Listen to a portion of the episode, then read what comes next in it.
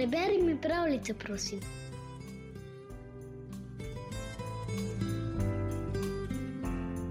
Nauk te stare afganistanske pripovedke je tak. Vsakdo bi se moral naučiti kakšne ročne spretnosti. Nikoli ne veš, kdaj in zakaj pride prav.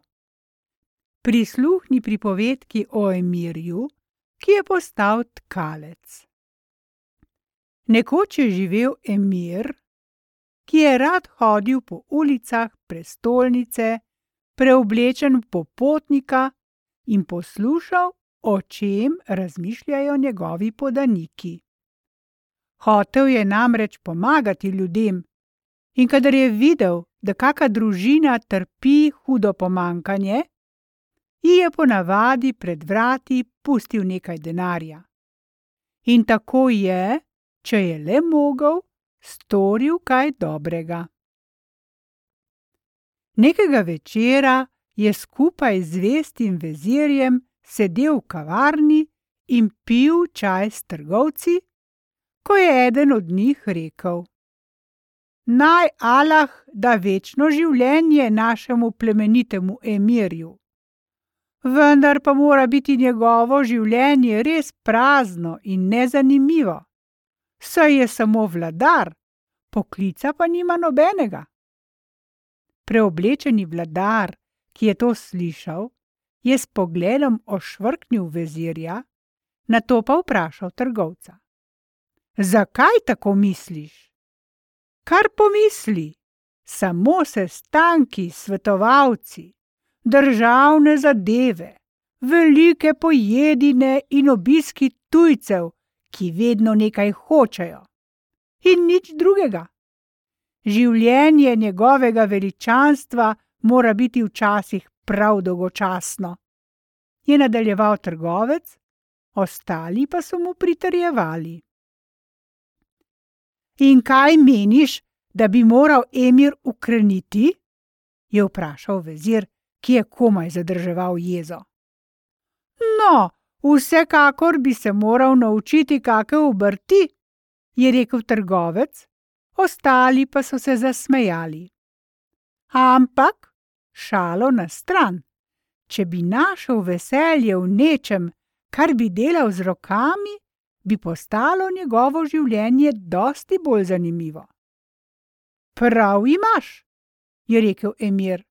Vsak človek bi moral imeti v malem prstu kako obrt. Nekega dne jo lahko potrebuješ, pa čeprav si kraljevske krvi. In medtem ko je srebal zeleni čaj, se je nasmehnil, kajti v glavi se mu je porodila neka misel. Ko sta se tisto noč vrnila v palačo, je vezir rekel: O, izvir znanja in vodnjak modrosti, če želite, bom takoj ukrepal proti tistemu človeku in njegovim tovarišem, ki so tako lahko miselno govorili o svojem vladarju. Dovolite mi, da odidem in jih vržem v ječo, še preden se zdani. Ko je tako govoril, so se mu oči kar svetile od jeze, brada pa se mu je tresla kot kakemu kozlu. A Emir je svareče dvignil roko. Ne, moj dragi vezir, pomiri svoj srd, saj so mi iskreni podaniki resnično dali misliti. Jutri daj poklicati na dvor vse kotlarje, izdelovalce preprog, lončarje, barvarje in druge obrtnike, da bom izbral eno izmed njihovih spretnosti in se je naučil. Trgovec je imel prav, nekaj moram delati z rokami. Naslednjega dne so se zbrali vsi rokodelci, in Emir je opazoval vsakega pri njegovi obrti, da je videl lepoto izdelave, po kateri je slovelo mesto tiste dni.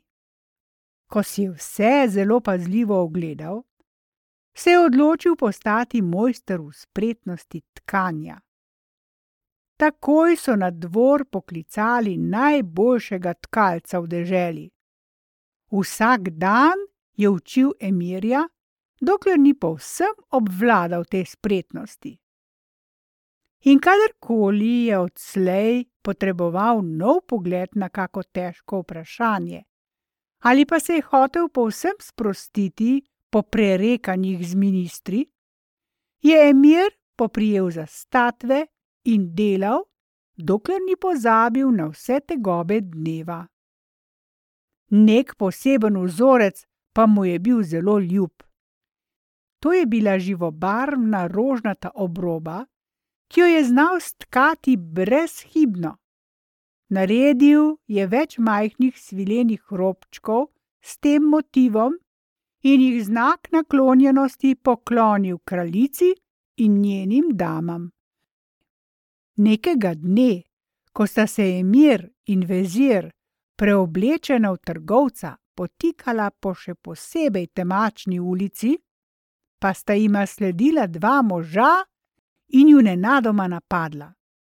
Spravila sta emirja in ministra na tla, na to pa sta ju zvlekla nedaleč stran, v strašljivo hišo s spuščenimi oknicami, kjer sta ju v enem od prostorov zvezala. Kakšno srečno naključje, je rekel eden od hudodelcev drugemu, ko si je ogledoval zlato v mošnjah, ki sta jih ukradla ujetnikoma. S tem zlatom si lahko kupiva novih oblačil in videti bova kot prava gospoda. Toda kaj naj storiva s tema dvema? Pustite naju pri življenju, je dejal vezir, ki je bil zelo hitrih misli. Nič žalega vama nisva storila. Midva sva samo tkalca, in prišla sva iz Samarkanda, da bi na dvoru emirja tkala tapiserije. Če naj jo ubijeta, boste izgubila veliko denarja. Tega pa menda nočeta? Kaj je zdaj to? je vprašal prvi ropar, lakomen še več zlata. Brž pojasni, ali pa boš začutil moje bodalo. Moj tovariš Tule, je nadaljeval vezir mirno, je tako vešč tkanja, da lahko dobi tisoč zlatnikov za en sam robec. Kaj? je vzkliknil drugi ropar. Potem pa naj enega stke, da ga bova odnesla v mesto in prodala. In odvezala sta emirja, ter mu vrnila male ročne statve, ki jih je nosil s seboj. Emir se je tedaj lotil izdelave robca, za kar je porabil tri dni. Ko je bil robec stkan, je bil to najlepši izdelek, kar jih je Emir kdaj naredil. Dal ga je roparjema z besedami: Vreden je kraljice, nesite ga v palačo in ga ponudite eni od dvornih dam za njeno veličanstvo. Zanj lahko zahtevata tisoč zlatnikov, prisežem pri svojem življenju. Prvi ropar se je res odpravil prodat robec, drugi pa je pazil, da ujetnika ne bi ušla. Oblečen v nova oblačila je prvi ropar, ki se je izdajal za tujega trgovca s svilenimi izdelki neprecenljive vrednosti, prispel do zunanjih vrat in poslal v notranjost robec, da ga pokažejo kraljici.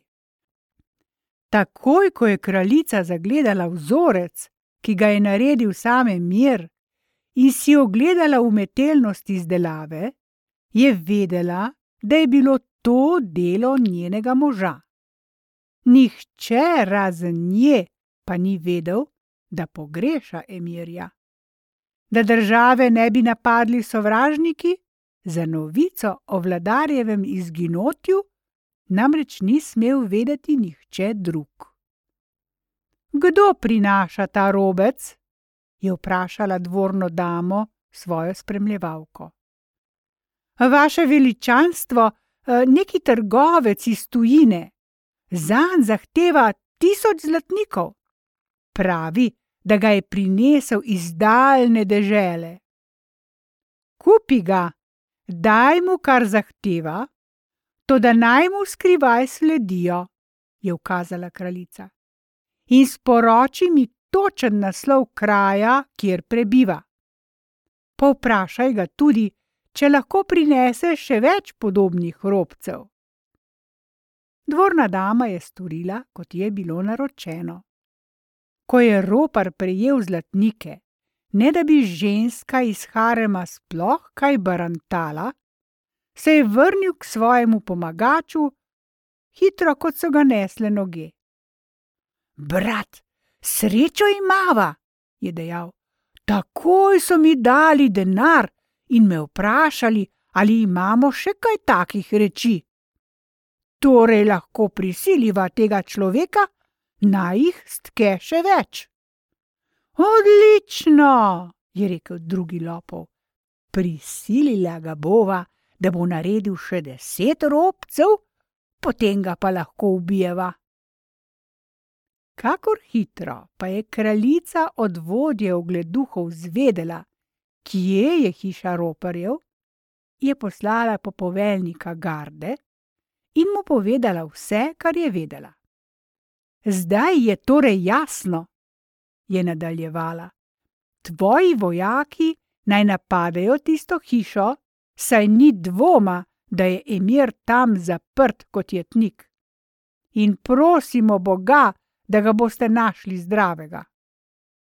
Poslušam in ubogam, vaše veličanstvo, je izstrelil poveljnik garde, zbral vojake in se z njimi takoj napotil proti tistemu kraju. In medtem, ko je emir začel tkati drugi robec, staroparja štela zlatnike, zato sta bila nad vse presenečena, ko so vojaki pol ure pozneje planili v hišo. Emir še nikoli v življenju ni bil tako vesel svojih vojakov. Z radostnim korakom je ubiral pot nazaj v palačo. Kljub lepim oblačilom sta bila roparja žal ob svoji glavi, zlato, ki sta ga nakopičila, pa je bilo razdeljeno med reveže. In med tem, ko je ves srečen ob ponovnem srečanju s kraljico, hvalil njeno razumnost, ker je dojela pomen skrivnostnega sporočila, utkanega v robec, je emir razmišljal. Vsekakor, res je, Vsakdo bi se moral naučiti kakšne ročne spretnosti, saj kaj malo ve, kdaj jo bo morda potreboval, pa če tudi je emir.